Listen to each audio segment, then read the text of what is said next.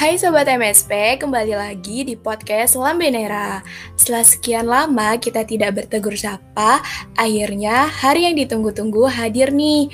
Oh ya, bagaimana kabar teman-teman semua di rumah? Semoga baik-baik aja ya. Sebelumnya, kenalin aku Hoironisa dari MSP Angkatan 2019. Di podcast pertama ini kita akan membahas sesuatu yang sangat menarik dan banyak juga nih di request sama teman-teman, terutama angkatan 20. Podcast kita ini akan membahas tentang apa itu MSP dan bagaimana prospek kerja ke depannya. Hmm, podcast ini uh, juga ada yang berbeda loh dari sebelum-sebelumnya karena kita kedatangan tamu spesial. Uh, langsung aja yuk kita sapa tamunya. Halo Karipka. Halo Nisa. Oh iya kak, uh, boleh dong kakak memperkenalkan diri terlebih dahulu nih supaya teman-teman semua bisa kenal nih sama kakak yang sat cantik satu ini. Boleh dong kak? Nah, boleh banget. Kan kak. uh, halo semuanya, halo teman-teman Umanera perkenalkan nama aku Rifka Ifra Barat dari MSP 2017. Salam kenal buat semuanya. Halo Kak Rifka, salam kenal juga nih.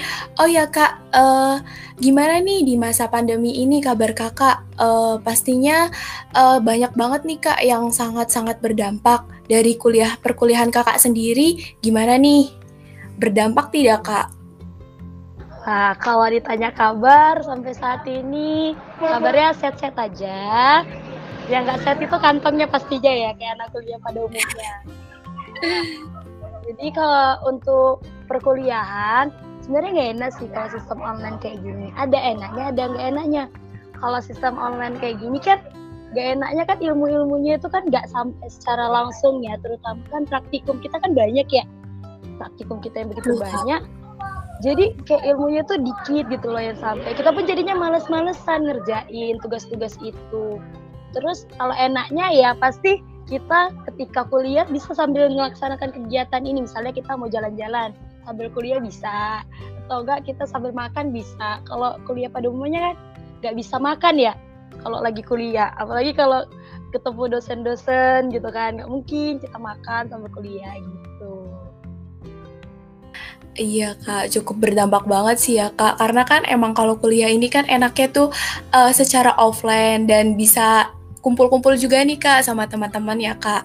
Uh, Oke okay nih kak, uh, langsung aja nih yuk ke topik utamanya. Uh, tadi kan kita membahas tentang MSP itu apa dan bagaimana prospek ke depannya. Nah, mungkin nih dari kakak bisa menceritakan sedikit nih tentang uh, eh, MSP itu apa sih, biar teman-teman semua semakin mengenal nih MSP itu bagaimana gitu, kak. Boleh banget nih, A. Jadi, uh, eh, MSP itu merupakan program studi manajemen sumber daya perairan nih ya. MSP singkatan dari manajemen sumber daya perairan.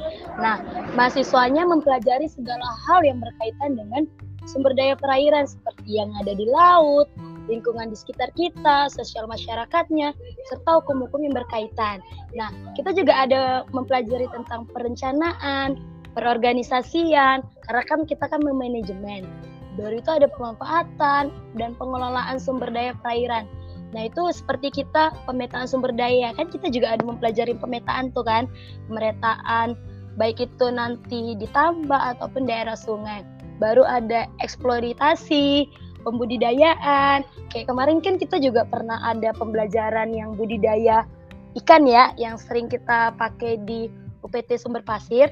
Nah, itu kan juga kita pernah ya mempelajarin itu, terus memproduksi hingga pemasarannya sumber daya perairannya. Kayak pemasaran itu kita juga ada yang uh, bagian pemasaran yang anak agroteknologi itu yang pelajaran kita. Nah, itu juga kita ada nanti kita gimana sih cara mengelola uh, contohnya kayak rumput laut jadi apa? Jadi minuman. Terus kayak ikan ini dijadikan apa? Jadikan uh, contohnya spaghetti gitu dijadikan topping-toppingnya. Nah, pada program studi ini kita akan mempelajari ragam dan fisiologi hewan air. Itu kan ada FAH juga kan mata kuliahnya. cara penangkapan gimana hingga penyakitnya dari segi ekonomi kita akan pelajarin tata niaga dan manajemen strategi pemasaran gitu. Nah, kan udah pada tahu nih apa itu MSP uh, eh, dari Karipka yang sudah dijelaskan oleh Karipka ini kan uh, semoga teman-teman ini bisa bersemangat ya karena Karipka ini sudah menjelaskan uh, eh, MSP itu apa. Nah, oke okay, Kak, aku lanjut nih ya Kak. Uh, menurut Kakak nih seluas apa sih Kak MSP itu? Mungkin dari cakupannya atau hal-hal yang bisa uh, kayak kita banggakan gitu di MSP. Kalau uh, oh ternyata MSP tuh seperti ini gitu. Gimana tuh Kak? Wah, kalau dibilang MSP ini sangat luas-luas banget kan kita tahu lah ya Perairan Indonesia ini sangat luas banget, bahkan lebih luas daripada wilayah daratan. Pasti banyaknya sumber daya yang tersimpan di lautannya. Namun sumber daya perairan Indonesia ini kan kaya. Ini belum dikelola dan, dimanfaatkan secara optimal.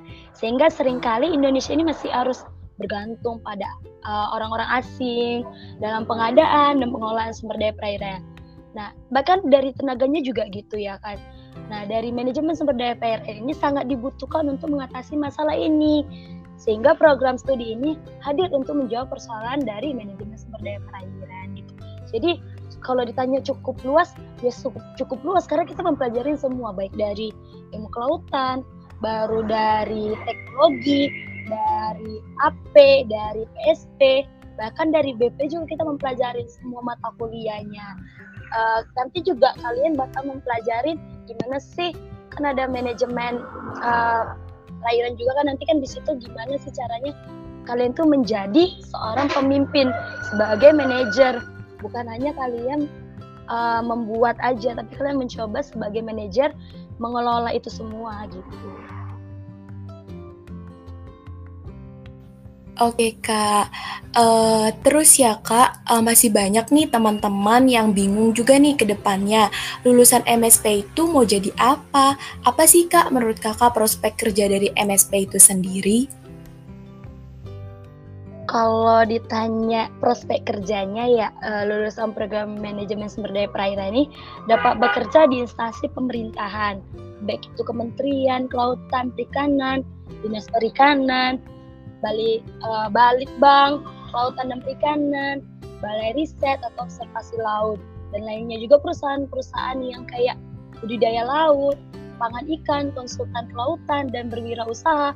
Atau kalian juga bisa mencoba sebagai kayak uh, pengen jadi NS nih pegawai negeri sipil. Kalian bisa gitu eh, daftar-daftar. Terus kayak perusahaan swasta yang lainnya tadi kan udah aku jelasin kayak kalian bisa di BUMN baru nanti kalian kan kalau di BUMN ini kan uh, perusahaan-perusahaannya kayak budidaya laut yang tadi aku jelasin pangan ikan itu.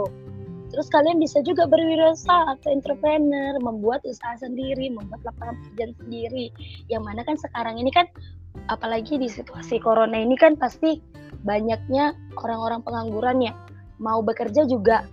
Nggak ada yang membuka lowongan pekerjaan. Jadi di sini kita bisa mencoba menjadi entrepreneur yang bisa membuat usaha sendiri yang mananya nanti orang bakal datang ke kita gitu. Untuk uh, kita mempermudah orang aja gitu membuat supaya mereka dapat pekerjaan gitu. Terus ada juga kalian bisa jadi tenaga dosen baik itu uh, buka buka les atau apa gitu kan. Tapi kan lebih dominannya kita kan sebagai tenaga kerja dosen gitu. Terus uh, kalau kalian tuh bisa juga contohnya nanti uh, selesai tamat kuliah ini kalian ngambil kayak K3.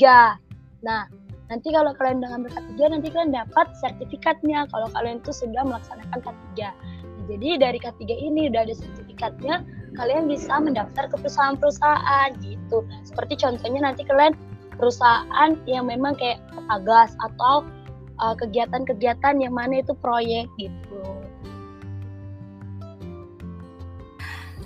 Nah, begitu ya teman-teman. Gimana nih setelah dengerin penjelasan dari Karipka tadi?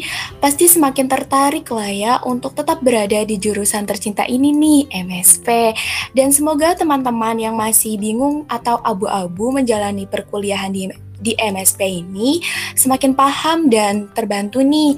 Mungkin dari Karipka mau kasih semangat nih atau motivasi buat teman-teman di rumah, terutama buat uh, angkatan 20 nih Kak. Oke, uh, kalau semangat sih pasti kalian harus semangat menjalanin perkuliahan terutama untuk mahasiswa 2020 yang memang itu dari pertama kuliah itu pasti belum mengenal FPK itu gimana, dosennya gimana, temennya aja bakal nggak bakal kenal gitu kan aslinya gimana. Nah pokoknya untuk teman-teman semangat aja apa pun itu rintangannya tetap dijalanin karena kalian bakalan keterima hasilnya juga di di akhir nanti gitu kan. Jadi kalian jangan males-malesan dari sekarang. Nanti kalian bakal susah sendiri di akhirnya. Dan kalau mau berteman juga ya berteman sewajarnya aja, saling membantu satu sama lain gitu. Pokoknya kalian jangan pernah uh, bosan gitu. Mau tanya ke kakak tingkat silakan. Pokoknya kalian semangat terus jangan pantang menyerah. Uh, nah apalagi nanti kalau udah kuliah offline bakalan ketemu semua semuanya kakak tingkat kakak tingkat yang cantik yang ganteng. Oke. Okay. Oke Kak, sepertinya podcast kita kali ini sampai di sini dulu ya teman-teman. Terima kasih buat Kak Ripka yang udah menyempatkan waktunya hadir di podcast uh, buat sharing-sharing di tengah-tengah kesibukan kuliahnya nih Kak. Iya, sama-sama Nisa. Oke, stay tune dan sampai jumpa di podcast episode selanjutnya teman-teman. Bye-bye. Bye.